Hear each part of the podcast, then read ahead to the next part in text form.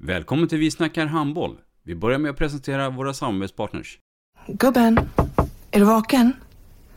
Jag, jag tror att det är idag vi får veta. Jag kom in! Mamma, jag kom in! Mamma, jag kom in! Jag kom in! Ah! Vi finns där du är när livet förändras. För alltid välkommen till Länsförsäkringar. Nej men, ska du ha t-shirt på dig? Du, det är ingen vanlig t-shirt. Det är en nya bollar till klubben-t-shirt. Och så matchar den grillkryddorna vi ska använda. Hur då? Men det är ju alla ska med på klassresan grillkryddor. Stötta barn och unga. Shoppa på newbodyfamily.com. Länge leve föreningslivet!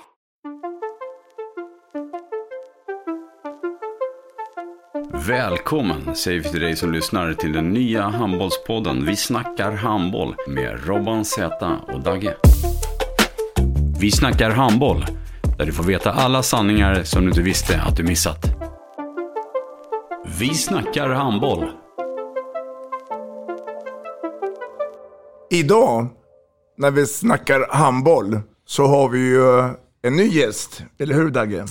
Ja, så är det ju. Vi har eh, Stefan Albrektsson här som vi jättegärna Hörde jag vill, rätt? Som vi eh, vill härmed hälsa välkommen. Men först av allt här så vill jag att du sätter på dig lurarna så ska du få en, eh, en väldigt speciell hälsning från en kär vän.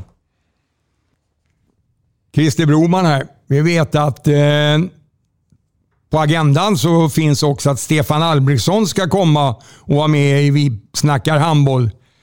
Och jag vill bara säga Stefan, tänk om alla visste vad du har betytt för svensk handboll, för Sävehof.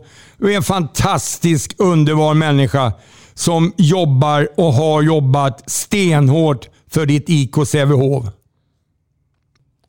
Han är en snäll människa, Christer Broman. Välkommen Stefan Abbe Albrektsson, klubbdirektör IK Sävehof. Hur känns det just nu? Ja, nu känns det ju skönt. Säsongen är över och eh, man har en sommar som man är guldmedaljör och svensk mästare och ja, ett år framåt. Och det, det är så skönt det kan bara vara. Du, vem är Stefan Abbe Albrektsson? Oj, oj, oj. oj. Ja, det kan gå antingen på fem sekunder också. Det räcker inte tiden Du får till. prata hur länge du vill. Nej, men vad- vem är jag? Jag eh, fotbollskille från början. Intresserade mig för handboll eh, 1973 på fritt valt arbete. Hade då tränare som Gunnar och Bertil Söderberg. Så gjorde att handbollen vägde över därför att i Sävehof var det lite roligare än vad det var med fotboll. I fotboll åkte vi mellan Kungsbacka och Kungälv ungefär och så ut i Partille. Och handbollen ja, åkte i princip över hela Europa och det var killar och tjejer och vi hade ganska skoj ihop. Så det blev det handboll för hela slanten egentligen. Och det blev en eh, ganska snabb karriär där. Två, tre år handboll och så upp, nästan upp i A-laget. Och... Så det blev, eh, ja, det blev kul med handboll. Då hade ju farsan en karriär med handbollen också. Gjorde en eller två landskamper. Spelade i AIK fyra, fem år. Kom från Uddevalla kroppskultur och sen flyttade han ner till Göteborg. Och då blev det väl två mästerskap med, med Heim på 60-talet. Hur ser familjesituationen ut idag? Eh, Jag har en, eh, jag har ja, Therese och Tobias som är mina Barnen? barn. Ja. Båda är engagerade i handbollen. Den ena tror att hon är tränare i Sävehof via Mikael och eh, Tobias då, som är med som supporter numera och lämnat sitt eh, handbollsliv. Var Tobias en bra spelare, Dagge? Eh, det var han ju. Eh, född 88 om inte jag är felunderrättad där. Och var väl med i den här, de här riktigt vassa åren. Nu har ju ni haft många vassa år i och för sig, men spelade mycket högernia på slutet här för mig. Ja, han var väl en sån de slängde in där det behövdes. Ja. Du Abbe, efter eh, skolan då, vad, vad, vilken inriktning ville du gå och var hamnar vi? Jag hade ju som ambition att bli eh, jurist, gå på högskolan där och, gå den linjen. Men Gunnar Kvist lurade mig 79 där efter, efter lumpen och säger det till mig att eh, du, vi har en konsulenttjänst där på halvtid i Sävehof. Du kan väl ta den samtidigt som du läser. Så jag hoppade ju in där. Och så Partille Cup på den tiden. Alltså Partille Cup startade 1970 och gjorde succé fram till 75-76. Hade så mycket lag så fick gallras. Men sen gick det ju rätt ner 1979. Och då sa han till mig, du kan ju engelska och tyska lite grann, kan inte du hjälpa till lite grann och skicka ut lite extra inbjudningar i världen? Och det gjorde jag då. Och sen fastnade jag liksom i detta, för då var jag ute på skolorna. Och i alla tredje, fjärde, femte, sjätte klassar och så fick de att börja spela handboll. Så vi, vi på några år dubblade vi vår ungdomsverksamhet. Och när du är ute och lovar massa barn, massa saker, måste man hålla det. Så man tränade halva lagen och så fick man rekrytera tränare. Och sen var man fast då. Och då satt Ni- jag där. Ja. Ja, ursäkta att jag avbryter. Nedgången under de åren, berodde det på Sweden Open? Eh, att de tog marknadsavdelar från er? Ja, Ja. det var det definitivt. Det var ju ett, lite med ett påbud från Svenska handbollsförbundet att, att eh, man skulle, alla svenska lag skulle åka till Sweden Open. Mm. Och det skulle vara allting. Och då, då tänkte vi, då blandade vi oss inte in i den leken utan då kan ju alla svenska lag möta varandra igen. De möter varandra på vintern, kan de möta varandra på sommaren också. Så då gjorde vi en internationell eh, utsväng och bjöd in i princip hela världen. Och så nappades det då ganska rejält och det lockade ju svenska lag tillbaka för att de vill ju inte möta varandra Nej. på inavel där. Utan, så det gav oss ett, en, en, en, en, en rush. Någon gång ångrat att det inte blev eh, juridikstudier? Nej, det har man inte egentligen. Jag har fått ut så kolossalt mycket handboll. Men jag hade en på breddnivå, dam och herrnivå. Och så får man vara med på Partille Cup och hela den utvecklingen och alla resor man fått göra. Eh, Alla uppdrag som har gjorts och sådär. Så att, eh, att ha varit med Sävehof på Partille Cup är ju väldigt, väldigt annorlunda än vad kanske många andra som varit med. Men, eh, vi kommer till det Abbe eh, längre fram. Du var inne på eh, vår första eh, punkt som vi ville eh, prata om, som vi förstår har betytt mycket för dig. Och det är just Gunnar Kvist. Berätta lite grann om hur ni parade ihop er och hur ni tänkte ni. Och... Ja, Gunnar var en fantastisk människa på det sättet. Han var ju född 32, jag 59, så skilde ju en generation. Men han gav ganska tidigt alla av oss som var tonåringar stort förtroende. Så stort förtroende som man inte själv ens vågar lämna till ungdomar idag. Han var ju lite galen och hade så mycket idéer. Han hade idéer varje dag. Och så man orkar inte ens ta in alltihopa. Och det hoppades lite hit och dit. Va? Så att eh, han lärde väl en, på något sätt att man måste organisera, ha lite framförhållning och, och, och sådana här delar. Men hans idéer om att åka och resa och starta Partille Cup. Och han såg ju aldrig några begränsningar egentligen. Kände du att det, det var nytänk eller var det omodernt det han föreslog på den tiden? Nej, Gunnar har ju aldrig drivit kanske elithandbollen i Sverige framåt, definitivt inte. Men i allting annat med, med föreningskänsla och det här med killar och tjejer och att man ska göra någonting vid sidan av planen. Det var han ju en, var han ju en föregå- föregångare. Han ville alltid att alla skulle trivas och ha skoj. Och, men han, han, är, han är ju far. Utan Gunnar Kvist så hade vi inte haft något eh, Gothia Cup eller Eken Cup eller något sånt här liknande. Utan då hade du ju... ha- Ah, Det, ah, först, det första Partille Cup är ju originalet. Ja. Som Alla lag ni fick från världens alla hörn, eh, bero, gjorde ni, reste ni ut och besökte dem? Eller hur, hur fick ni tag på dem från alla världsdelar? Ja, i början där så var det bara en, en, en chansutskick egentligen vi gjorde, 79, till, till en del. Sen hade vi en del gamla utbyten i, i Polen, Jugoslavien, eh, för att ta de länderna som var intressanta för oss handbollsmässigt. I och med att jag själv blev ju lite handbollsnörd. Blev ju uttagen till, till, till eh, en U-landslagstrupp. Jag hade brutit benet på en motorcykelolycka. Jag, jag gick... Eh, jag gick väl T3 76 om jag minns rätt, 17 år gammal på, på, på Bosön, Det ganska snabbt. Åkte ner till Jugoslaviska handbollsskolan 75 eller 76, var ju också ganska ung. Så allting, man var ju nörd, man ville ju liksom ta alla spelare och öka från tre till fem dagar i veckan. Det var ganska stora steg. Så jag vill väl egentligen ta vara på ungdomsdelen och få den elitmässigt sen framöver. N- när ni, om vi då, ehm, när ni pratar just då hur ni ska forma Sävehof och det, hur, du och Gunnar och säkert flera till. Hur, hur, hur tänkte ni? Hur, hur spånade ni vidare så att säga? Om man är riktigt ärlig, nu kom jag in 79, då började jag på halvtid där uppe. Och uppe säger jag, det är på andra våningen där i, Partille, i gamla Partille idrottshall. Det var ett litet kyffe var det där uppe. Jag satt, men det var lika kallt som det var ute och lika varmt som det var ute. Så det var ju helt otroligt. Men, så det började egentligen där. Och vi hade första 10, 12, 15 år fanns det ingen agenda, fanns inga visioner, fanns inga möten eller någonting. Utan vi, vi körde bara på. Och eh, framförallt, eh, och en eloge till Gunnar där, det var ju rekryteringen från skolan. Vi lyckades ju kolossalt bra. Så det var ju egentligen bara kvantitet i början. Det fanns ju ingen kvalitet, det fanns inte utbildning på vad det ena eller andra. hade knappt tröjor till allihopa. Även om alla spelade gult så var det olika gula färger på alla tröjor första, under hela 80-talet. Och sen så växte det på. Det blev mer och mera. Eh, Kunde ni någon gång då föreställa er eh, hur gigantiskt stora Sävehof skulle bli 20 år senare? 30 kanske? Nej, det, det fanns inte då för vi hade stora begränsningar i, i, i Partille. Då fanns det, då fanns det tre, tre fullmåttshallar i Partille. Och sen började vi organisera oss med en ny styrelse och alltihopa det. Och det blev lite, ja, vi tvingades ju få ut kvalitet och alltihopa och att ligga i framkant. Så egentligen slutet på 80-talet när vi gick upp i elitserien med herrarna 87. Då började föreningen forma sig och fler anställda. Och vi fick in pengar sen på 90-talet från Bingolotto. De Bingolotto-pengarna investerade vi ju i en ny träningshall på 40 gånger 20 Då är vi uppe i fyra helt plötsligt. Du kan börja träna mycket mer. Innan det tränade vi på morgon, morgnarna mellan Mm. sex till halv åtta. Så nördiga var vi. I Partillebo? I Partillebohallen där ja. Bara för att alla skulle kunna få ut så mycket som möjligt. Och då var vi mellan 30 och 40 på varje träning och det blir ingen kvalitet, det vet, förstår ju alla. Men sen var kommunen fantastiska och antalet hallar sen tio år senare fördubblades. Så vi, vi, vi, är ju- vi är bortskämda. Mm. Vi har väl uppåt en 10-11 fullmåttshallar i, i Partille som hjälpt oss att, att växa. Och, och Partille är en egen kommun. Partille är en kommun. Med ja. idag invånarantal Runt, cirka. runt 40. Ja.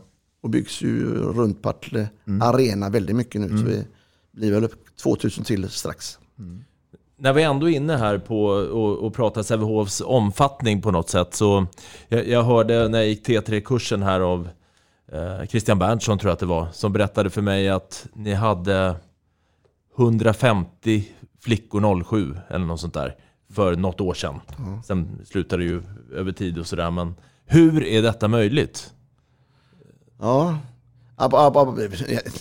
jag vet egentligen inte heller hur det är möjligt, men, men det är, vi, är, vi är en attraktion på något sätt i kommunen så vill alla, alla hört talas om Sävehof på något sätt. Alla vill gå igenom, prova, testa och sen går man ju vidare på något sätt. Men, eh, så vi, eh, vi gör ju fortfarande rekrytering i skolan och hade klasshandbollen. Nu får man inte spela klasshandboll och skolhandboll och tävla längre, vilket känns ah, för mig tvivelaktigt. Jag tror inte tävlingsmomentet, det beror på hur ledarna hanterar själva frågan som är det viktiga. Men, eh, men nu går vi bara in och har klasslektioner i, i, skolorna och den rekryteringen håller, ju fortfarande. Så att vi rekryterar väl en 200 nya medlemmar varje år. Vi var ju länge och hade åttaårsgräns. Sen tvingade fotbollen kan man säga ner oss för de har ju femårsgräns. Mm. Har, har, har ni tagit konceptet från någon annan förening eller är det någonting som ni har skapat själva? Jag vågar påstå att vi skapat allting själva. Är det A-lagsspelarna som är ute och rekryterar? Eh, det är det, det är de som, eh, några av dem väljer vi ut som går ut på skolorna och, och, och kör. Sista åren i pandemin har det bara varit eh, genom foldrar och så vidare. Men annars brukar vi alltid ha tre, fyra från dam eller herrsidan som är ute. Och det är likadant med Kviberg, nu är vi ute i ett annat område. En förening vi startade eh, nyligen. I ett vitt handbollsområde, det fanns inte en, eller vitt och vitt, men det, det fanns ingen, inga spelare där. Så den här föreningen, Kvibergs handbollsklubb, har gått från 0 till 400 på sex år. Och, och, och det är en del av eh, Sävehof. Eh, om vi pratar det, Partille IF då, är det en fristående? En fristående förening, Ja. ja. Finns det någon samarbete däremellan? Eh, nej, inget direkt. Det, Nej. det är en förening som egentligen mest drivit eh, De som har... se- seniorverksamhet. Ja. Mm. Så det är många Sävehofare där som har varit med i, i seniorverksamhet. Till och med jag själv. Jag själv. Ja. Eh, vi, vi pratar antal lag lite grann sådär och att ni är enormt stora. Eh, men är man också enormt stora så krävs det otroligt mycket ledare. Eh, hur är det möjligt att, att ni kan få fram... Hur många ungdomslag har ni och hur många ledare finns i Sävehof? Ja. Sista siffran jag fick fram nu det var att vi var 1480 spelare, 240 ledare och att Marie Alm då, som är ungdomsansvarig Mm. Hade gjort en anmälan här på, tror jag, upp mot 120 lag i seriespel. Och sen kommer då stödmedlemmar, supporters till? Sen kommer det till ja. Ja. Och, och, så det kan man alltid räkna på olika sätt om man, om man är det och räknar in parts och allt ja. Men pratar vi core handboll så är det de 1500 plus 250. tror du att det finns det någon gräns, stoppgräns? Eller det kommer rulla på? Det kan bli hur stort som helst. Ja, det kan det. Men vi, vi ser hellre att Härryda handbollsklubb som vi startade 96, att de växer. Att Kuvas handbollsklubb växer och att det växer runt omkring. Vi eh, i Stockholm vet ju det att det finns ett Brommapojkarna som finns över hela stan och det heter Brommapojkarna var man än är. Mm. Vi tycker det, det, är säkert ett bra koncept där och då. Men vi vill att Kviberg ska utvecklas som sin förening. Så det inte blir Sävehof-lag 17, 18, 19 där inne. Utan vi vill vara Sävehof i Partille och så hjälper vi gärna så många klubbar runt omkring vi kan. Och det, Tänkte just komma till det, för att eh, ser du annat att det skulle finnas en risk i att, att ni växer så enormt och under den växtfasen tränger ut de andra föreningarna? Det jag kommer ju den frågan ibland, men vi, eftersom vi är i vår kommun så har vi aldrig trängt undan någon annan någonstans. Jag hoppas att istället att vi har inspirerat många andra att, att göra likadant. Så det som är kanske lite dilemma i västra Sverige just nu är väl att kartan ser inte lika ut som den gjorde tidigare, utan det är ju fem, sex starka klubbar som var för 20 år sedan som är nedlagda. Mm. Men däremot så har det ju vuxit till sig flera, många andra klubbar som har gått lite grann på Sävehof-konceptet och är stora, starka pojkar, flickor. Så det blir mer de här större föreningarna som sticker ut nu. Du, jag och Dagge har ju pratat eh, och funderat lite grann när vi skulle träffa dig och vi har pratat mycket om drivkraft. Vad hämtar du din energi ifrån? Hur säger man att vilken fantastisk drivkraft det finns? Hur tänker vi här? Nej, jag... Ja, nej men det, det är nog sen jag var yngre. För, för om man pratar för en egen del så är det liksom att man, man, man, man vill ju alltid vinna. Mm. Så även om det inte att vinna mot ett annat lag eller annan klubb så är det det. Är det att göra sponsring, så liksom ha bästa sponsringskonceptet, dra in så mycket sponsring som möjligt. Så att det är en parameter att tävla mot sig själv där. Mm. Att få Partille Cup exempelvis att växa så måste du ha kvalitet för att växa. Du kan inte bara låta det växa för det är inte du själv som avgör det. Utan någon måste ju trivas under cupen. Och då var det liksom varje år liksom, tävlar man internt. 300 lag ska bli 320, bli 340. Det är så roligt att ha fler lag, men det är också en kvalitetsgrej på att du gjort något bra sannolikt året innan. Så det här tävling har ju alltid funnits med mig. Och sen är vi ju 5, 10, 15 som varit med väldigt många år. Som varit med på samma linje. Så vi har ju liksom, vi har ju knappt pratat med varandra så vet ju den ene vad den andra gör. Mm. Och det är ju det som, att vi har haft en sån kontinuitet i föreningen. är väl det som har gjort att vi har eh, lyckats får man säga. Vi, vi, vi kommer komma in i, i, i mm, tunga ämnen snart. Men, men det är också så att du har ju, ehm, i, och- med att det finns en drivkraft och engagemang så har det också säkert blivit eh, frågad att kunna vara med och hjälpa till här. Jag tänker på svensk handboll, jag tänker på formen av handbollsligan, proffsspel och även internationellt. Hur, eh, hur, hur, hur, hur tog du det när du fick de, de frågorna? För det blev ju också en hel del jobb för dig. Solid Sport är handbollens hem för streaming av matcher. Hos oss hittar du allsvenskan, division 1, division 2, USM, ungdomsmatcher och mängder av handbollskupper. På solidsport.com svensk handboll hittar du det senaste samt kommande matcher från Handbollssverige. Vill du själv även komma igång och börja sända matcher för ditt lag? Gå in på solidsport.com för att läsa mer.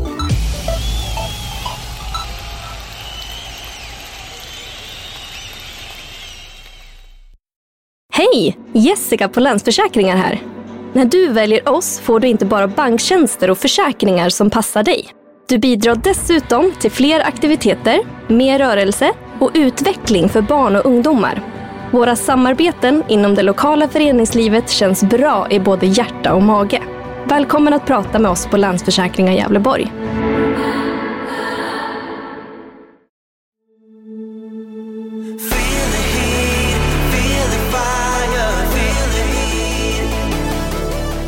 På Restaurang Hit är kärleken till vällagad och god mat vår största passion. Vi jobbar med att förädla bra råvaror till en fantastisk slutprodukt. Frukost, lunch eller catering.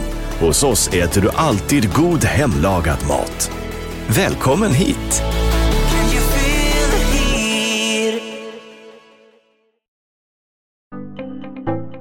Sedan 1987 har Newbody Family hjälpt idrottsföreningar att tjäna pengar till sina kupper och resor.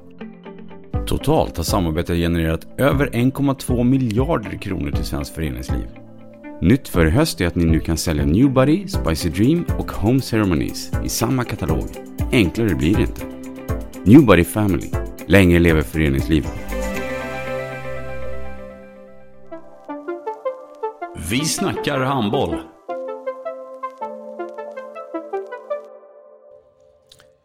Men det har legat på något sätt i, i linje att eh, ta vissa uppdrag. Ta, om vi tar det svenska handbollsförbundet så har det funnits någon stilla fråga att ta någon tyngre position Mm. där med åren. Men det känns inte rätt att ha gjort det. Och, eh, därför att det känns mer rätt att vara kanske en, en bra rådgivare eller ett bra väggplank och för, för den som vill, vill lyssna. Tar vi svensk elithandboll på något sätt så kan man väl känna en st- st- stolthet där för att eh, eh, tillsammans med, med, med Olle Hagström och, och Reine Pedersen startade vi svensk elithandboll som då hette Herr Elithandboll 1996. Och utan den tror jag inte handbollen sett ut likadant som den gör nu med ar- arenalicensen och ekonomiska licenserna och, och, och sen tv-avtal och allting som gjordes där. Sen är jag ju väldigt stolt att man varit med från början när, när, när den startade. Sen eh, när det var på E- E- Europanivå så var jag startade ligan, där, den europeiska ligan, den intresseorganisationen. Nu är det klubbarna som trivs i Forum Club Handball, Mm. har ingen position där men deltar på de mötena varje år. För att försöka driva då Europacuper och Champions League och det framåt på något sätt. Känns som att vi är på rätt väg där, eh, alltså ute i Europa. Eller? Ja, det, det, det, det är vi absolut i och med att det kommer mer pengar. Mm. Sen har vi ju haft ett nordiskt intresse i och att vi tycker kanske att internationella spelet är tre, fyra omgångar för mycket. Alltså det är väldigt stressigt att eh, hinna med allting och, och spela, spela, spela. Så jag, jag är rädd lite som att det blir too much handboll hela tiden. Man hinner aldrig vänta på den här piken här och njuta till nästa. Utan det är ju match, match, match hela tiden. Mm. Sen, eh, alltså det, det jag tycker varit kanske mest inspirerande för att göra för svensk handboll, det är att under 15 och 20 år kanske få vara med i internationella rådet. Där vi gjort, det hade varit mästerskapen, de senaste mästerskapen och att vi i Sverige uppfattas som goda medspelare ute i världen. Och att eh, vi är ett väldigt accepterat internationellt råd med, med, med, med, med eh, Jörgen Holmqvist i spetsen och Stefan Löfgren växer in i det. Och fina representanter med Arne Elofsson tidigare. Eh, Så att, så att här är mm, det är en trivsam grupp som, som har gjort mycket för svensk handboll. Känner du att det kommer finnas en arvtagare? För vi var- var inne på det förut också, att vi blir äldre och äldre. Alltså att, att du känner att det, att, att det gäller att någon tar över sen. Alltså så att vi håller Sverige högt upp på agendan. Ja, jag tror det. Det som känns skönt det är liksom att det är många av de här Bengan Boys som fortfarande har bra roller i, i svensk handboll. Mm. Eh, jag menar, vi har ju ett, ett, en stor ledare i Stefan Löfgren Mm. som växer in definitivt där och med Europeiska handbollsförbundets styrelse. Vi har Peter Gensel som är med och leder eh, svensk elithandboll. Så att vi har tagit, tagit tillvara mycket av de här bästa killarna på rätt, på rätt positioner. Och Anna Rapps roll i IOF, är den viktig? Ja, den är kolossalt viktig. Och den är ju, den är, den är ju den, den är ju fräck på något sätt. Att, att det sitter en tjej internationellt, hon är duktig, hon är respekterad. Eh, och så det, det är ju en riktig topposition. Eh, Ja, du nämnde Peter Gensel och eh, Stefan Lövgren, rik eh, Blickar vi tillbaka så var ni lillebror, RIK storebror. Nu är det tvärtom. Eh, ja, åtminstone i mångfald och även i framgångar, får vi lov att säga. Eh, RIK var ju illa ute ekonomiskt för ett antal år sedan. Eh, och ni valde att gå in och hjälpa dem finansiellt. Visst var det så? Eller att ni hjälpte dem på något sätt? För att ni ville ha den konkurrensen kvar? Eh, vi, vi, vi gick in och hjälpte RIK under, under två år med en, eh, så att de skulle känna sig trygga. För vi kände att... eh, Ja, du behöver inte avslöja nej, hur, nej, hur ni hjälpte men, dem. men, men, men, det är dumt om jag nekar till det, men det, det, det stämmer. Och eh, nej, vad, man- vad man kände då, eftersom jag ska inte lyfta upp mig på någon högre stol, så, men ibland är man handbollare, ibland är man Sävehof-are. Och i det här läget kändes som att Göteborg hade tappat. Heim, Majorna, klassiska föreningar. Frölunda var borta. Eh, Varta hade eh, gått bort. Liksom det, då, då kändes det liksom att eh, det behövs ett Göte, Göteborgslag som, som, som sticker ut. Och även om vi också vill profilera som Göteborgslag. Vi har vår verksamhet i Partille men vi känner oss också att vi är en del av västra Sverige. Mm. Så, så, så det här var väl 10-15 år sedan Mm. du, du pratar om just nu. Och då, då, då, då var det ju två klubbar som stack ut ver, verkligen i Göteborg. Det var vi och RIK. Mm. När vi pratar RUK nu då, och vi pratar deras eh, problem med att skapa en hemmahall. Hur, hur, hur, hur tänker du här? Eller hur, hur skulle du vilja att de gör? För att de har ju officiellt ingen hemmahall just nu, och- om Nej. inte jag är ute och cyklar. Jag, jag, har inget, jag har inget bra råd att göra det. Det är bara tråkigt att inte Göteborg i det här läget har en medelstor arena för, för event. För, för medelstora sporter. Eller som handboll. Och Man kan göra lite... Det hade varit gott att ha haft en arena. Inga planer på att bygga heller? I Göteborg, jo det finns massor med planer hela tiden men eh, den politiska oenigheten hoppar och svänger så mycket så att det finns ingen... När man vill något under en femårsperiod så ändras det sista året och så är det något nytt som ska komma på gång hela tiden. Så jag har varit med kanske 15-20 år i olika utredningar och det hoppar och det försvinner och det... Ja, så det, det blir ingen... eh, Det är ingen direkt avslut på det hela utan man fabblar. När vi är inne på det här med arena då, så, och vi var inne på Partillebohallen, en klassisk arena, ungefär som lika klassisk som Eriksdalshallen på Söder i Stockholm. Så poppar upp Partille Arena. Varsågod och berätta resan.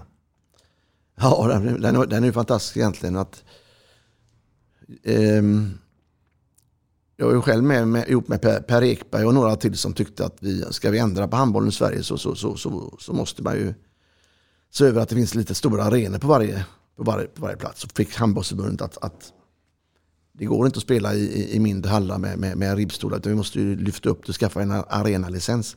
Och då, det drev vi ju då på 90-talet, till och med då när det var Partille idrott, så innan det blev Partille Bohallen som var ännu mindre. Och sen efter det kravet kom så, så tror jag nästan att Skövde var först ut med sin arena, sen kom Lund, sen kom Halmstad, Kristianstad, så kom vi. Alltså det har blivit en, en fantastisk, och det, i alla dessa arenor i medelstora städer så är ju handbollen etta i, i, i borgen.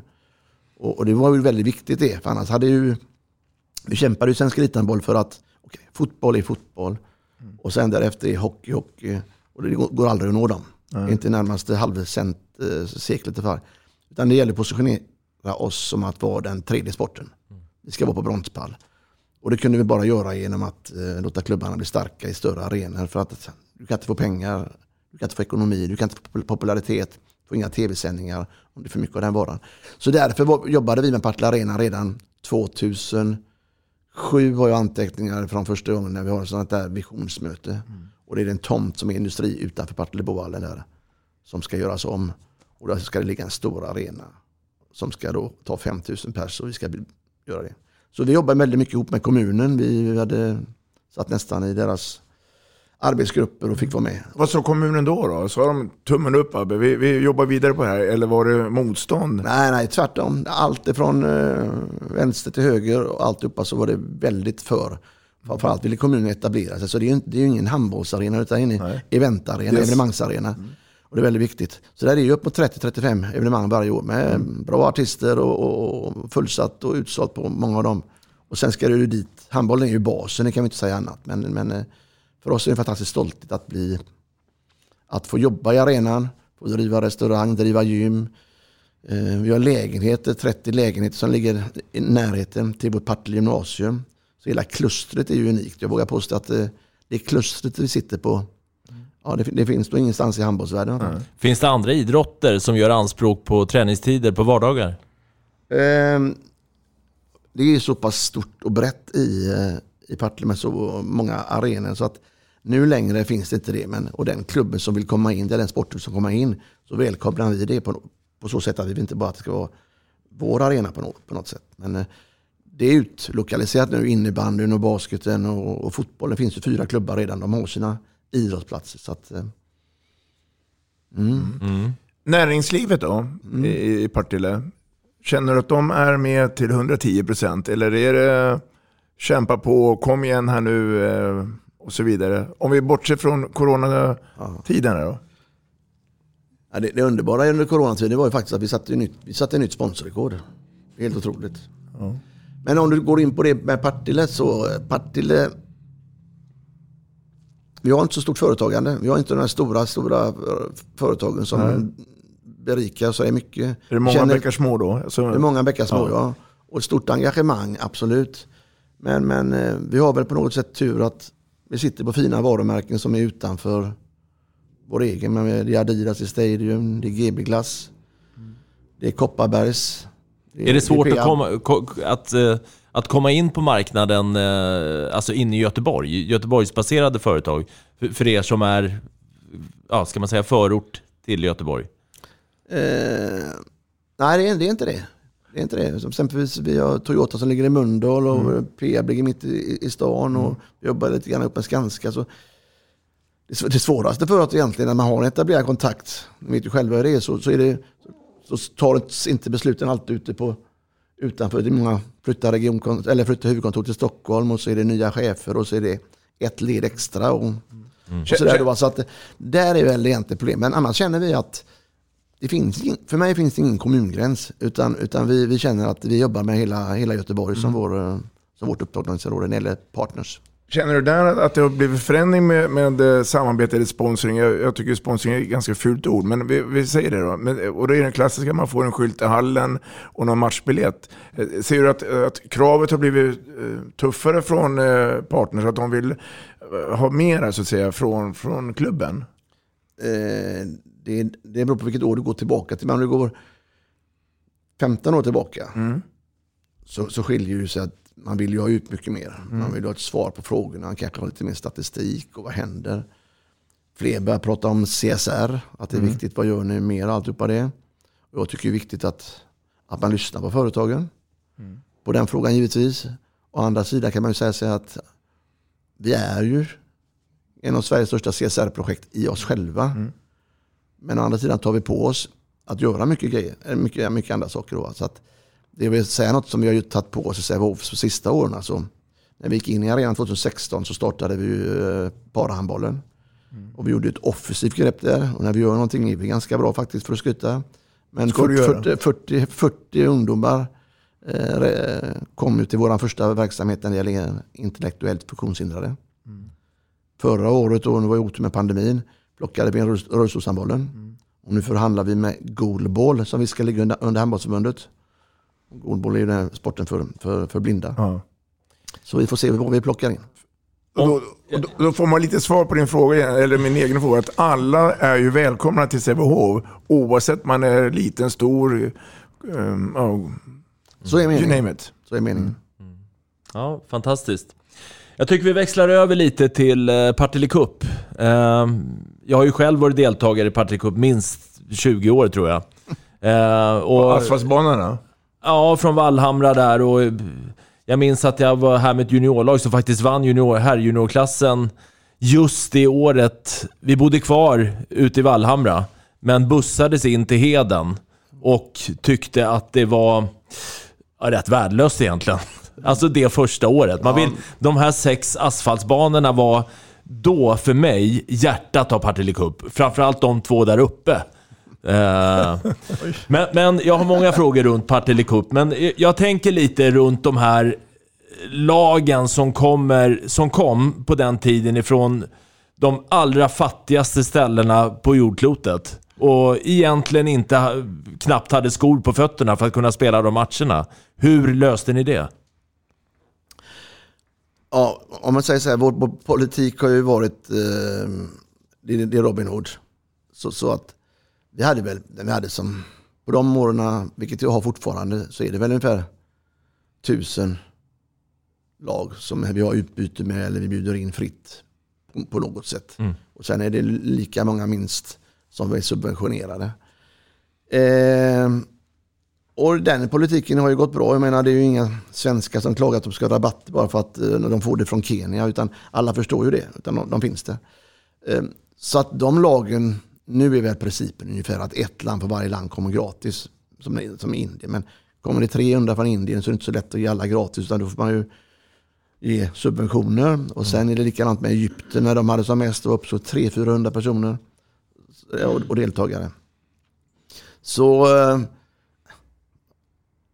dels gör vi utbyte med några klubbar själva om det är nära Europa. Men, men annars är i princip allting utanför Europas gränser är ju kraftigt subventionerat eller gratis när de kommer hit. Sen finansierar de det på annat sätt för att den dyra delen är ju ändå sen för dem att skaffa flygbiljetten.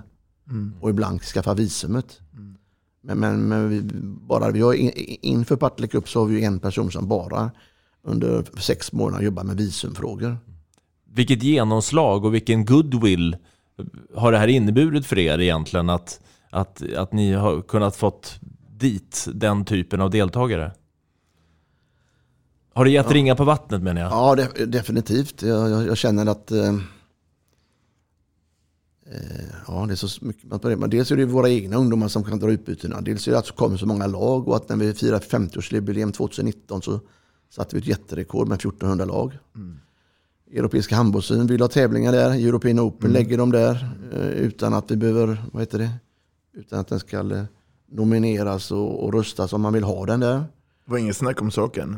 Nej, Europeiska Ja. handboll vill ha den och det är några andra som har frågat att de vill ha det. Men det är få som kan göra det bättre. Du bor på Gothia Towers, du spelar jämte och, och så är konceptet Skandinavien. klockrent. Det är klockrent, ja. Det är nästan som får det för bra för tidigt.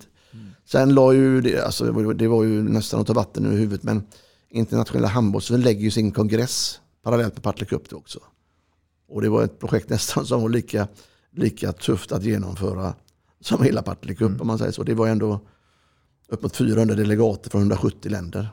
Och där var det liksom, eh, det var ju ett PM för, för varje person egentligen. Och varje person var ju ett program och en del. Men gjorde Svenska handbollsförbundet ett fantastiskt jobb. Ett bra samarbete vi hade ihop för att få den delen. Nej. Så vi har ju många prominenta gäster som kommer till oss. Ja. Mm. Presidenten i IOF, presidenten i IOF, de har ju klippkort till turneringen. Så det visar ju att man vill vara här, man vill umgås och det är många, det är många som kommer hit. Jag, jag misstänker ju att det är otroligt inkört och väloljat maskineri det här med Partille Cup nu, men eh, jag är lite nyfiken. När ni har avslutat ett Partille Cup en, eh, en lördag, när startar det första planeringsmötet för kommande år? Eh, om man ska säga så här, det startar redan kanske mars, april året innan, Ah. innan igen där. Sen är det ju en till två veckors avveckling och ekonomiavdelningen har väl en, två månaders avveckling. Men sen är väl, skulle jag tro, eh, att den nya hemsidan är väl klar för, för print och allt uppa det. Någonstans 1 till 15 september. Mm. Så ska ju grundkonceptet ligga ute Mm. för nya anmälningar. Hur mycket, hur mycket av det tar du del av den vanliga vardagen? Eh, eller för vad jag förstår så är Partille Cup en egen organisation. Det är en egen organisation eh, under Sävehof. Ja. Ja. precis. Eh, nej, jag menar, jag jobbade nä- nästan dygnet runt med Partille Cup fram till 2010, 12, 13 kan man säga. Men sen efter det så, är, så har jag fejdat ut rejält. Och nu har vi en, eh, en, en, en, en, en, en turnering under Fredrik Anderssons eh, som generalsekreterare. Så vi har byggt upp den på ett eh, klart proffsigare sätt än, vad- än vad det var tidigare. Det byggde mycket på klubbens insatser och sådär. Så att nu bygger den på, på ett annorlunda sätt. För det krävs mycket mer med säkerhet, krävs mycket mer med kvalitetsvarianter runt omkring. Och turneringen växer. Så Man måste hänga med. Går, går det att värdera hur mycket pengar Stockholms stad har förlorat på de här två inställda åren på Partille Cup, på Gotia Cup? Jag menar, det måste ju vara betydande intäkter för staden. Mm. Ett normalår. Eh, Göteborgs stad tror jag då. Göteborgs stad? Ja, de, jag? Så Stockholms stad? Ja, förlåt. Det gör ingenting. Jag, jag tänkte, om vi tagit så många turister. Ja, gott. Göteborgs stad. Ja, jag fattar det. Jag bara säga. Men de turistekonomiska effekterna som de räknar ut på Göteborg Company. Eh, så säger de att de ligger på någonstans mellan 200-250 miljoner Per år. per år. Och Gotia sammantaget då? Nej, Gotia har, ligger upp mot 400, 400, 450. Kanske upp mot 500. Så det är väldigt mycket. Så att i och med att vecka 27 och vecka 29 är evenemangsveckorna som de lägger inga andra evenemang i stan parallellt. För det finns ju inga hotellrum, det finns Nej. ingenting egentligen. Mm. Så, eh, nej, för, så förra året så eh, var det tufft för staden att tappa de återkommande ev- evenemangen. Och så tappar man ju alla Håkan Hellströms-konserterna. Så att, ju- alltså, Kan du, ju- tänka, kan du tänka dig så här att det här innebär ett, ett ganska bra förhandlingsläge eh, för dig och för IK Sävehof framöver gentemot staden? Eh, när ni vill utöka, ni vill ha mer och... Eh, för, för, förstår du hur jag ja, tänker? Jag fattar precis vad du menar. Vi, vi, eh, jag tror så här att jag tror att Göteborgs stad numera är mycket, har lärt sig två saker mer på den här biten. Att det finns nog en större uppskattning av att event, evenemangen fin, finns. Att man förstår betydelsen av att det är väldigt viktigt att värna om dem. För Det är inte bara en självklarhet, för det är två, två kan man säga, privata evenemang Mm. som är störst, de är störst i Göteborg ihop då med Göteborgsvarvet. Eh, och eh, sen, eh, så det, det, det tror jag. Och man har nog kommit till den insikten också att det är svårt att värva evenemang utifrån. Alltså det, det kommer nog aldrig ett fotbolls-VM eller ett eh, friidrotts-VM med till Göteborg. Och de är jätte... Däremot kan man kanske köpa lite mindre evenemang. Men Mm. här har man ett evenemang som inte behöver köpas. Det arrangeras av någon annan och det drar till sig en jädra massa turister. Mm. I takt med att Partille Cup eh, blev större och större så, så misstänker vi också att eh, man fick ju också andra utmaningar. Eh, vi, vi nämnde ju Gunnar Kvist och jag, jag kommer ihåg en grej, eh, det är många år sedan, inte exakt när. Men alltså Robban, i år får vi lite jobbigt här för att vi måste tänka på uh, maträtterna. Alla kunde inte äta korv, alla kunde inte äta köttbullar. Eh, I takt med att det kom ju då från andra olika delar av världen. Så där. Hur, hur, hur, hur har man tacklat de här sakerna? För det blev ju nya möjligheter hela tiden. Inga problem, bara möjligheter. Nej, helt rätt. Man, fram till 1980 tänkte man inte ens på att det, att det var så. Men när kuwaitarna då invaderade oss eh, under de åren. eh, Då fick man ju liksom lära sig första gången själv egentligen att, eh, att, eh, vad, vad det innebär med griskött och pork och, och den här biten. Så det blir att alla rätter numera är ju anpassade. Så det, finns ju inget griskött överhuvudtaget. Första åren alltså, och då får de äta på en särskild avdelning och sådär. Men nu är det ju, nu är det ju anpassat till internationellt. Däremot är det ju flera hundra varje år som har någon form av allergi, glukos eller vad det är, laktos. Eller, ja, som har de delarna. Och det gäller ju att det funkar på varje skola för, för, för de delarna. Eh, och det, det hoppas jag att det gör, men, men det gäller ju en... Det gäller att vara på där. Mm. Eh, för något år sedan rörande Partille Cup så fick ni eh, lite negativ, negativ publicitet också. Eh, det gällde något pojklag från Stockholm som hade mött eh, ett afrikanskt lag. Mm. och de lämnade väl planen helt enkelt i, i någon slutspelsmatch där och hävdade att, det var, att spelarna var äldre än de uppgav sig att vara och så vidare. Hur, hur, hur hanterar ni sånt? Sedan 1987 har Newbody Family hjälpt idrottsföreningar att tjäna pengar till sina kupper och resor. Totalt har samarbetet genererat över 1,2 miljarder kronor till svenskt föreningsliv. Nytt för i höst är att ni nu kan sälja Newbody, Spicy Dream och Home Ceremonies i samma katalog. Enklare blir det inte. Newbody Family. Länge lever föreningslivet. Solid Sport är handbollens hem för streaming av matcher. Hos oss hittar du Allsvenskan, Division 1, Division 2, USM, ungdomsmatcher och mängder av handbollskupper. På solidsport.com svensk handboll hittar du det senaste samt kommande matcher från Handboll-Sverige. Vill du själv även komma igång och börja sända matcher för ditt lag? Gå in på solidsport.com för att läsa mer.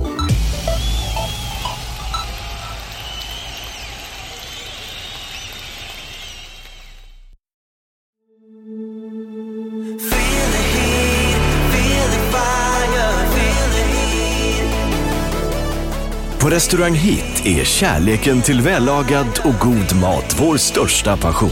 Vi jobbar med att förädla bra råvaror till en fantastisk slutprodukt. Frukost, lunch eller catering. Hos oss äter du alltid god hemlagad mat.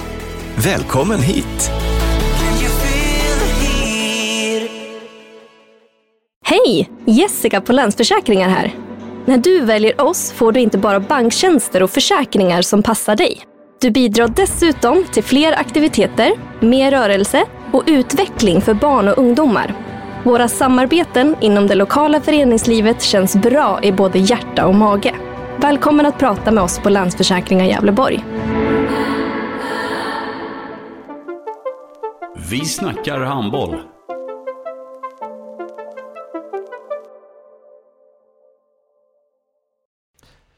Eller hur gjorde ni då? Ja, men hur vi gör det, vi gör det, vi gör det traditionellt. Dels får ju lagen lämna in lista innan på hur, när de är födda. Och sedan eh, är det ju precis som det att tar du Gothia Cup och gör de ett steg till. De sätter ju dem i, de sätter ju dem i, i bänkar och kollar att allting stämmer mot. Men det finns ju inte en handbollsturnering i världen som gör likadant. Utan man får ju lita på den som, som lämnar in eh, passen. Men sen har vi också visumlistor vilka vi har bjudit in. Och när det då blir en protest, då tar man in passen och listorna och så får man kolla de bitarna. Och i det här läget så hade vi ju eh, kollat listorna och sen var det, en, en, eh, var det ju på mas- matchen för att kolla efteråt vilka som spelade. Och så samlade man in dem efteråt ihop med passen och visumen. Sen kan man alltid spekulera i, är det rätt ålder på den som kommer eller inte kommer? Men då får vi liksom eh, gräva hur långt som hit. Skadade det er på något sätt? Ert anseende? Eh, jag vet ju att det var mycket rabalder och, och, och den sommaren. Väldigt mycket tråkiga skriverier och fram och tillbaka. Så att, men det kanske skadar oss lite kortsiktigt där på den delen. Men alla som varit i Partille Cup har ju undrat. Kan, kan nigerianerna, för det är de vi pratar om, kan, kan de vara så gamla? Men jag menar, jag vet ju Bokvist, han åkte på en protest, Martin Bokvist varje år av Mm. andra lag när han växte upp. Varför han tyckte det var fel. Mm. Det kan komma någon som har för mycket skäggväxt som är från eh, det. Och vi har ju väldigt lätt att säga så här, ja, Balkan, de, de, de, de kommer hit skäggiga och sådär. Va? Vi, tar ju mycket grejer för, för att det ska vara på något sätt. Men vi har ganska storvuxna spelare också. Vi vinner de flesta klasserna själva. Så jag tror inte att vi tar så mycket strykor. Jag tror att man anmäler man sig så vet man ungefär hur det är. Och jag tror att man hellre vill möta ett lag från Nigeria än att möta Sävehof 7 eh, exempelvis. Men, men eh, det finns ju med i beräkningen och vi kan ju aldrig som sagt garantera exakt hur de är. Ehm, däremot har vi ju tillåtit ibland, när vi vet att en lag kommer som Kenya, ibland Indien, att u klasserna och de här, att vi tillåter dem att vara ett, två, tre år äldre utom tävlan. För att annars får de inte ihop laget. De kom från Cook Island där ute igenom. Alltså, Och det är ju det mer fair play. liksom, vad sa du? Och det är ju mer fair play, ja, då vet man ju. Då vet man det ja. Eh, Men vi, vi, alltså vi, vi plockar in listorna. Sen Ja. är det ju så att, eh, apropå det Dagge, om de anmäler ett lag i pojkar 16, ett pojkar 15, ett pojkar 14. Vilka spelar med vad alltihopa det är. Mm. Men därför får man ju ha lite spanare ute. Och, och i det här fallet får man ju lita på att spanarna gjorde ett, gjo- gjorde ett rätt jobb. Men, men, eh, så det var en tråkig incident och vi vet ju vad vi pratar om och vilket tillfälle det var. Men, men eh, Jag har faktiskt råkat ut för det själv här. Jag var ner många år med mina 94 tjejer och vi spelade ju tre finaler, 15, 16, 18. Eh, och eh, flickor 16 då så åkte vi på en protest efter en kvartsfinal mot ett holländskt lag. Eh, och vi blev ju fruktansvärt tagna på sängen för det var ju ingen som hade legitimation eller pass med sig liksom. Det redde ut sig i och för sig, men det, det var ju en obehaglig upplevelse. Ja. Jag menar, det fanns, finns ju inte på världskartan att vi från Märsta, Skåne, skulle fuska med åldern. Men ja, Ja, jag vet det. Men, men det, det, det, det, det finns faktiskt... eh, Det är likadant med övergångar då. Har du verkligen gått från exempelvis Sävehof till RDK? Är, är övergången gjord över sommaren eller inte? Gjord Oj. över sommaren och Ja. vad gäller? Vilka regler gäller? Eh, De från Nigeria, okej de kan komma hit. De har ett stadslag. State. De heter Nigeria, eller typ Niger State eller Lagos State eller vad de heter. Och, och- men, men vi ska hålla jättenoga på, är du från Rosersberg eller är du från Nacka eller är du från det? Va? Men det är också svårt, vi kan ju inte bjuda in och, och ta in för mycket heller. Var går gränsen? Och vissa länder tar vi in landslag på. Eh, och, sådär. och vissa tar vi in skolor på. Så man måste ju gå på deras. Men jag tror på något sätt, i alla fall till 99,9 så får man nog säga det att man upplever det som att det är skoj att möta ett lag som är från en exotisk plats. absolut. Och man vill ju utveckla Partille Cup eh, och eh, jag tänker på även för parahandbollen. Eh, kommer säkert växa. Finns Partille Cup i hela världen? Eller, är det någon del i världen du, du, du, du drömmer att vi måste få hit den delen? Eller har alla världsdelar varit där? Vi har haft 100, alla världsdelar har varit här. Mm. Och vi har haft eh, 98 länder som har besökt oss. Mm. Och det finns väl 100, ja, uppåt 170-180 länder som, som in- ingår i internationella Det finns en handbolls- bit kvar. Ja, det finns må, må- många länder kvar. Men handbollen, man ska ju veta det att många länder är handbollen väldigt, väldigt liten och är mer repres- representerade. Mm. Eh, Men däremot är det ju, vill ju IOF nu att vi, och vi startade ju faktiskt Partille Cup Kenya Trophy för tio år sedan. För att vi vill få ut namnet. Och det är egentligen inte så mycket att få ut namnet Partille Cup, men vi vill starta en massa små Partille Cup runt om i världen. För att de ska få möta, för det är allt för många svenskar som åker till exempelvis Tanzania, så gör man ett projekt där nere, slänger ut lite bollar, eller Sydafrika som jag har varit. Slänger ut bollar och alla ska göra det, så åker man därifrån, och då har de blivit fotbollar. Och så har de inte organiserat sig, och så har de bara fått träning, och så pff, fejdas allting ut. Så du måste skapa ett seriesystem, eller ett kuppspel, att de får träffa varandra, möta varandra, åka från stad till stad. Och det är det som är det viktiga. Man kan inte bara åka ner och vara någon turist och tycka det är roligt att man hjälper fattiga människor eller gör något annat. Man måste bygga upp det kring något mer. Mm. Och då tror jag det att eftersom de inte kan ha seriesystem, om vi pratar om Mm. den tredje världen i handboll, så måste man skapa lite små turneringar lite överallt. Och Varför då, just Kenya? Är det ett strategiskt val? de, var, de var mycket, de var med 60 personer per Cup varje år. Okej. Och, och, och då, då, då ställde de frågan, eller vi gjorde det som ett experiment och det var ju ett eh, CSR-projekt egentligen. Att vi, så vi ordnade sponsring och en, en eh, person som var starkt bidragande till att vi lyckades så eh, länge med det var ju faktiskt att eh, Anders Nissen Mm. som Mm. lämnade oss för, för några veckor sedan gick in med Pandox där och hjälpte till att och, och, bygga upp den delen där nere. Det var en hundra lag varje år från Kenya då, som reste från byar runt omkring och gick in och spelade Partille Cup Kenya Trophy. Jag tänkte jag skulle avsluta bara med om Partille Cup då och ställa eh, kanske en obehaglig fråga men väldigt intressant för oss nördar.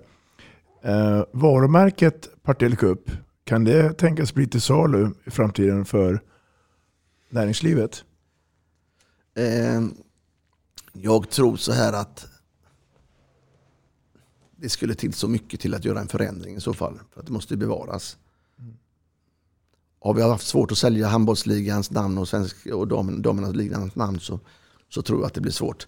Däremot är det lite diskussioner. Varför har ni kvar Partille när ni ligger i Göteborg?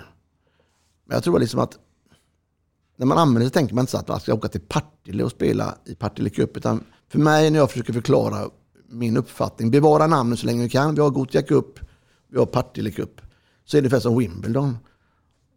Om du säger Wimbledon, vad tänker du först? Då tänker du på tennis antagligen. Mm. Ja, du tänker, det ligger i Storbritannien, London. Och, någon tänker, och sen tänker man på gräs och tänker några på jordgubbar. Och så är det klart. va? Björn Borg. Och, och Björn Borg definitivt ja. Så jag tänker inte på att det är just Wimbledon där, i den, där platsen är. Och likadant med Partille. Partille är Göteborg, Partille Cup. Så att nej, skulle det vara något mega, mega företag som går in så kan man alltid diskutera det. Men jag Ja. tror att, eh, men då blir det nog mer presented by eller Partille Cup presented by och så får man trycka ut det. Ungefär som SKF gör med Gothia Cup. Den här satans corona är ju en, en sjuk, sjukdom eh, som har drabbat Partille Cup. Då. Eh, vill och kan du, vad omsätter idag Partille Cup? Och vad är nettovinsten? Ja, ja, bra fråga. Eh, idag omsätter Partille så mycket för den, är, den ligger under pandemin. Mm, mm. Noll då? då eller? Noll då, ja. Nej, men det sista året när Partille Cup genomfördes eh, 2019 så eh, omsatte vi 50 miljoner. 50 miljoner. Och eh, sen har vi då, eh, det är olika olika år för Partille Cup hur, hur mycket det genererar men, men det är väl officiella siffror nästan och det, det är ju upp mot 7-8 miljoner som, som det är. Och det en del tycker det är jättemycket pengar och andra tycker va, är det inte mer? Och så, så det är nog, allting utgår från egentligen vad det, vad det är. Och, och, ehm, Ja, jag skulle nog gissat på eh, mer nettointäkter men, men eh, det är mycket kostnader kan man ju begripa. Ja, man kan göra det. Man- jag, jag, alltså, ska veta, vi betalar ju ett par miljoner till stan. Mm.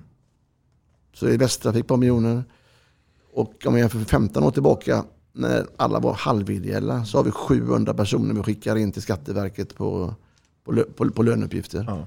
Ehm, så att, eh, men 2019 gick, gick det klart bättre kan jag säga därför, som det året. Men det vi budgeterar och tänker på varje år, det, det, det, det är den siffran.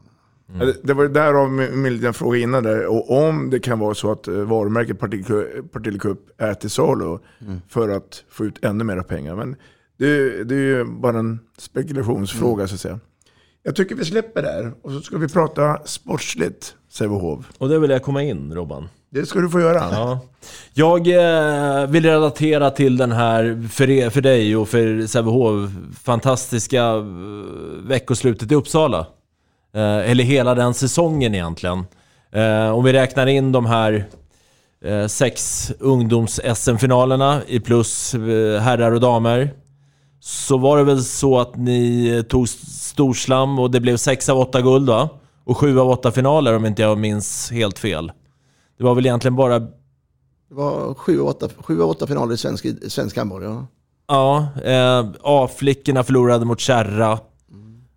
Har jag för mig. Och B-pojkarna var väl inte i final va? Nej, och flickor B tror jag tog... Eh, Ja. Vi tog de, de tyngsta gulden i alla fall i år. Damer, herrar, herrjunior, damjunior och pojkar A. Fem. Pojkar A ja. Och så var det ett silver i flickor A. Och Och silver. silver i flickor B mot Ja. Huddinge har jag för mig. Precis så. Ja, precis. Ja, det Eh, var- går det, och jag vill liksom relatera till det.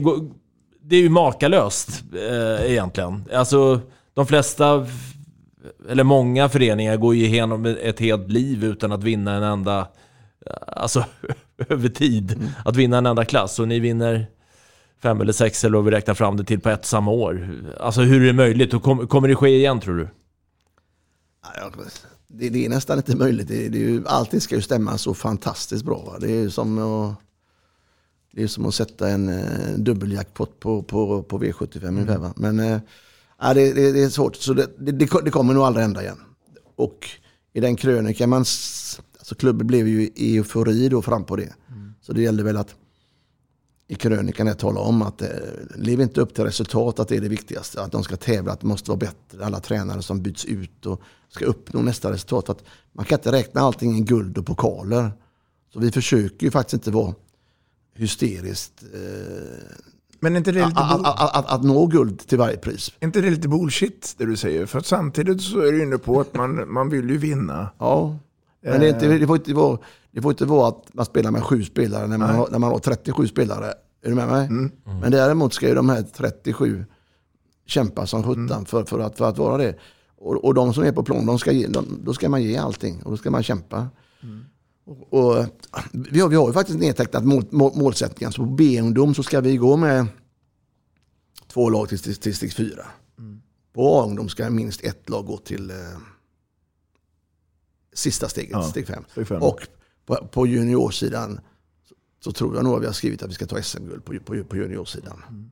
Och på elitverksamheten är det bara topp tre varje år.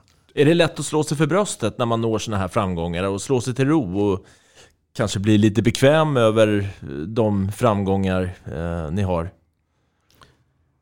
Eh, Eller, vill ni liksom, eller Ja. strävar ni hela tiden framåt och, och vi ska bli ännu bättre? Eh, nej, men vi, vi strävar hela tiden att bli, bli, bli ännu bättre och säkra upp och kvalitetssäkra. Så det, den, den ligger ju hela tiden där. Sen är det, det, det, det som kanske är jobbigast det är ju att hela tiden internt jämföra att ja, för två, tre år sedan gjorde vi så. Och var- Varför gör vi inte så nu? Och nu har ni ändrat. Och, eh, ja, ibland är A-trupperna 75% bara Sävehof-are. Nästa år är det bara 60%. Ja, det, är för, det är för mycket av det ena och det andra. Så att det pågår diskussioner som är väldigt trevliga och utvecklande. Men ibland är de, är de lite sådär lite spets, spetsar till som gör att det, man orkar inte lyssna på allting. För du kan tänka hur mycket åsikter det finns i, i föreningen också. Men vi klarar oss ganska bra i, i, på att driva föreningen framåt. Jag menar, vi ska ändå vara jämställda förening med damer och herrar, pojkar, flickor. Vi ska kombinera elit och bredd. Så många av de här ingredienserna ska ändå for, formas in på något sätt. Är ni helt jämställda? Apropå det. Eh, är damernas budget lika stor som herrarnas? Ja, bra fråga du. jag kan säga så här. I min värld skiljer det inte ens en köttbulle. Men man tar material, hemma borta matcher, eh, kost, logi, träningsläge, internationella förberedelser. Sa jag utrustning, material, det sa jag någonting om? Ja. Träningstider. Ingen skillnad. Eh, lönerna däremot är ju marknadsanpassade. Mm. Eh, Men jag vågar påstå så här att eh, det skiljer fortfarande lite grann mellan damer och herrar. Och eh, tittar man i övriga Sverige så, så, så, så eh, ligger ju våra damer på en mycket hög nivå när det gäller, när det gäller den delen.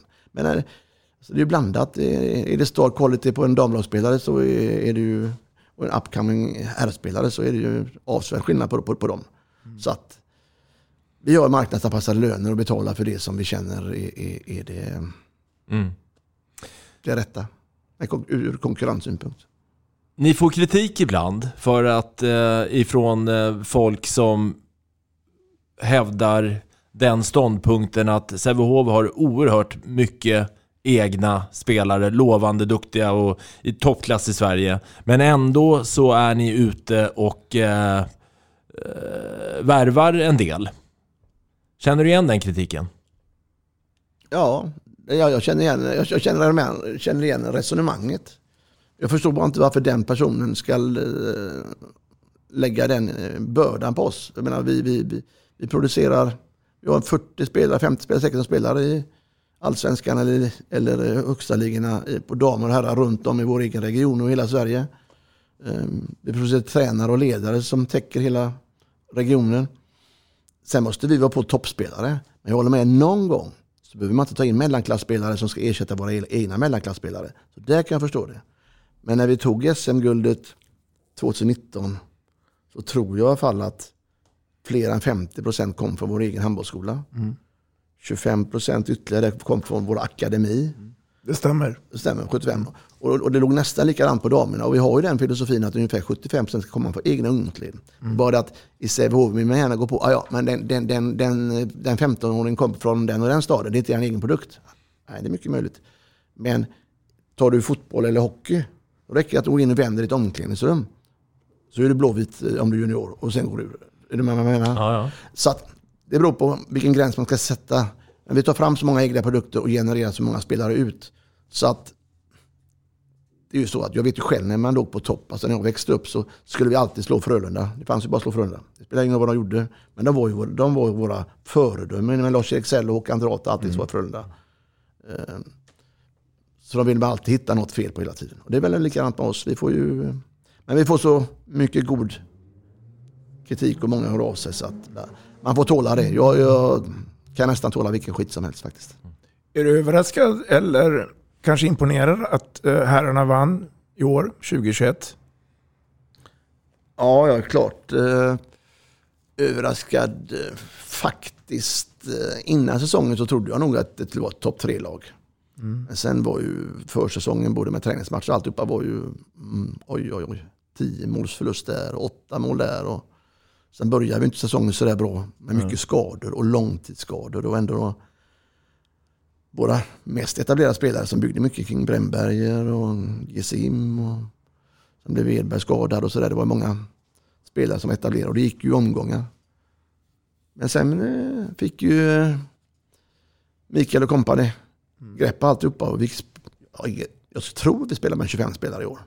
Och det är många. Jag menar, eh, I någon match spelade vi mot Skövde sista där med nästan ett juniorlag på, på, på nio meter som spelade sista och bar upp sista förlängningen. Så där fick vi nog nytta av att så många hade varit med. Och, ja, jag tror aldrig så många har fått känna att de varit del av ett SM. En SM-pokal, SM-buckla någon gång, det tror jag inte. Jag eh, följde ju final, finalerna där och eh, när, när jag, jag blir glad i hjärtat när jag ser han killen från Färöarna, eh, Chippa Gutt eller, eller vad det är, konstigt namn. Eh, känner du likadant och, och hur länge kan du behålla den killen tror du? Ja, nej, men det, det, det är en rolig talang för han tillför så mycket. Man, man ser ju att det, är- det är ingen bara stor bauta som, som skjuter. Han, har- han har ju en spelintelligens som eh, jag tror aldrig jag sett det tidigare. Det är väl kanske Magnus Andersson eller någon som har kunnat vara lik, likadan. Men, men fram på den nivån. Mm. Allt han gör på träningarna så inte man kan se i, i, i, i, i tv eller uppleva matcher. Det är en lekfullhet som, ja, den är så mästerlig. Men att hitta den talangen. Vi har varit dåliga på att, verkligen dåliga på att eh, kolla vad, vad som finns på Partille Cup. Så att det här, han lyste ju Mm. som en stjärna då på den finalen som var i Skandinavien. När Sverige blev utklassad av Färöarna och han, och han hade ju lekstuga.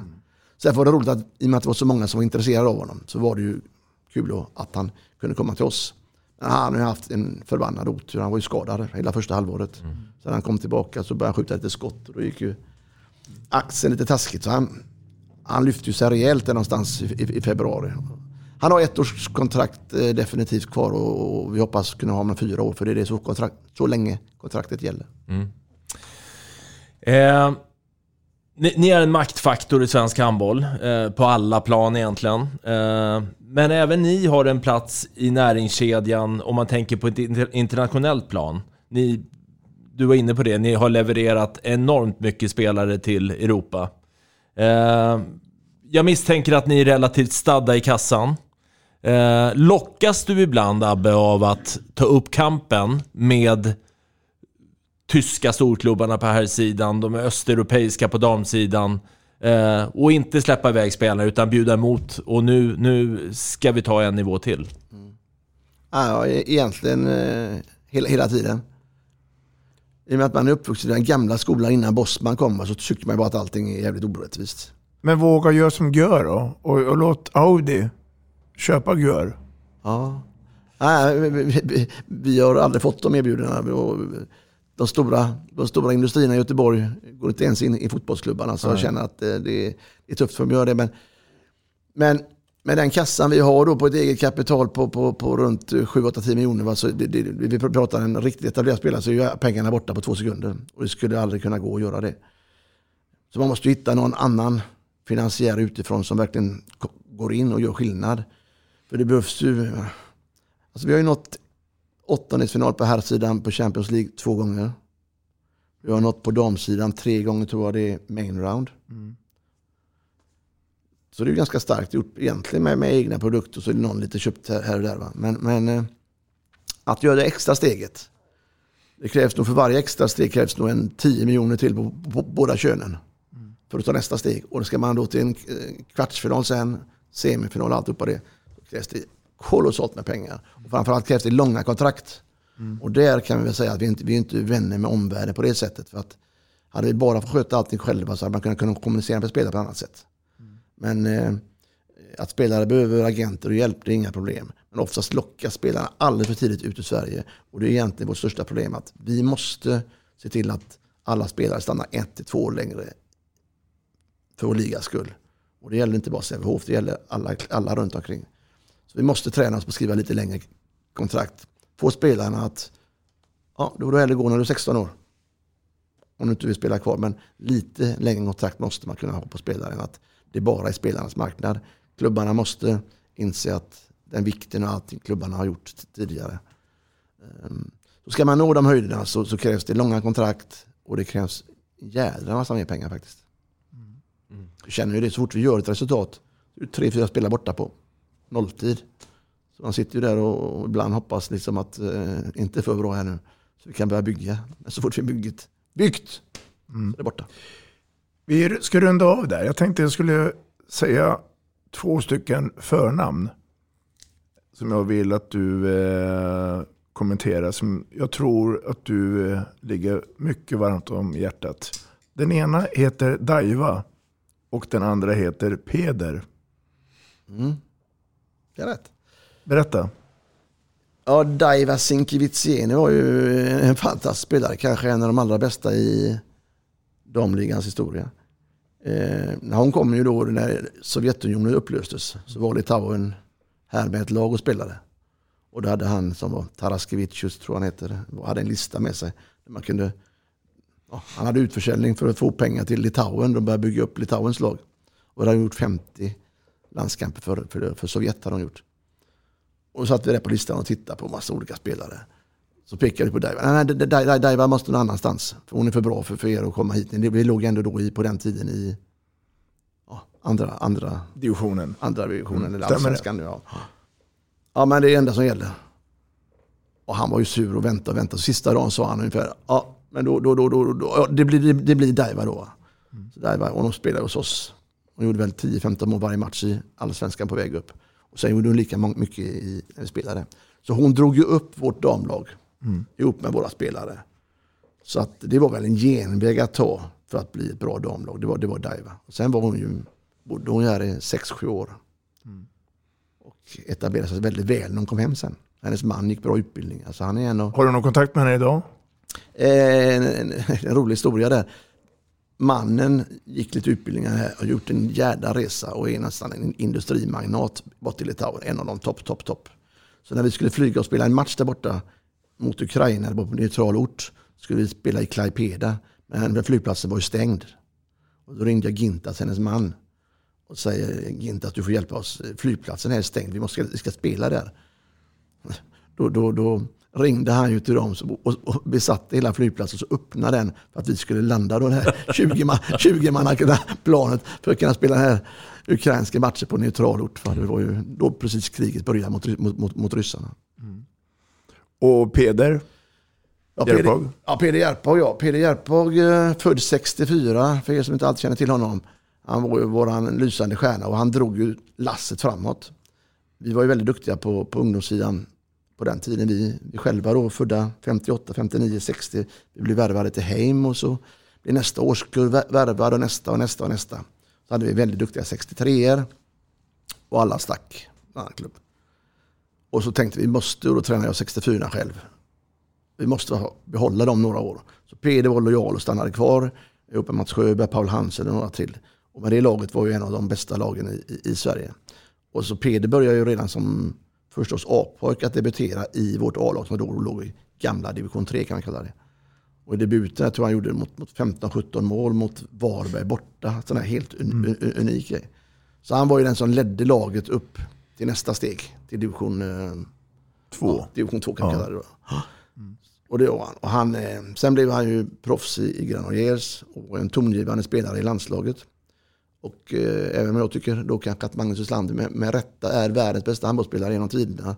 Så vet jag att på den tiden i alla fall, då, innan han blev 21 år, eh, då, då var Peder steget före och, och, och låg där och var u eh, stjärna i det, i det landslaget. Och det han eh, gjorde där, eh, eh, Peder som drabbade honom, det var att han fick ju oral galvanism. Mm. Så gjorde att hans karriär snabbt dök. Men, eh, jag minns fortfarande den sista matchen han gjorde var i landslagströjan var väl i OS Seoul 88. I sista matchen, Sverige spelade femte eller sjunde pris, då gjorde han väl en 8-9 mål mm. i den matchen. Sen dog hans karri karriär tyvärr. Stefan Abbe Albrektsson från mig och Dagge, stort tack för din medverkan till Vi snackar handboll. Tack ska du ha. Tack, tack. Vi snackar handboll där du får veta alla sanningar som du inte visste att du missat. Vi snackar handboll. Vi snackar handboll produceras av produktionsbolaget High On Experience från vision till passion. Ett avslutande tack till våra samarbetspartners. Hallå! Kommer ni eller? Ja, ja. Har du sett mina ankelsockar? De här? Nej, nej, jag menar skridskoslip till juniorlaget Ankelsockarna. Ja, men kolla bredvid träningsläger med handbollstjejerna-t-shirtarna. Stötta barn och unga. Shoppa på newbodyfamily.com. Länge leve föreningslivet! Gubben, är du vaken? Jag, jag tror att det är idag vi får veta. Jag kom in! Mamma, jag kom in! Mamma, jag kom in! Jag kom in! Ah! Vi finns där du är när livet förändras. För alltid välkommen till Länsförsäkringar.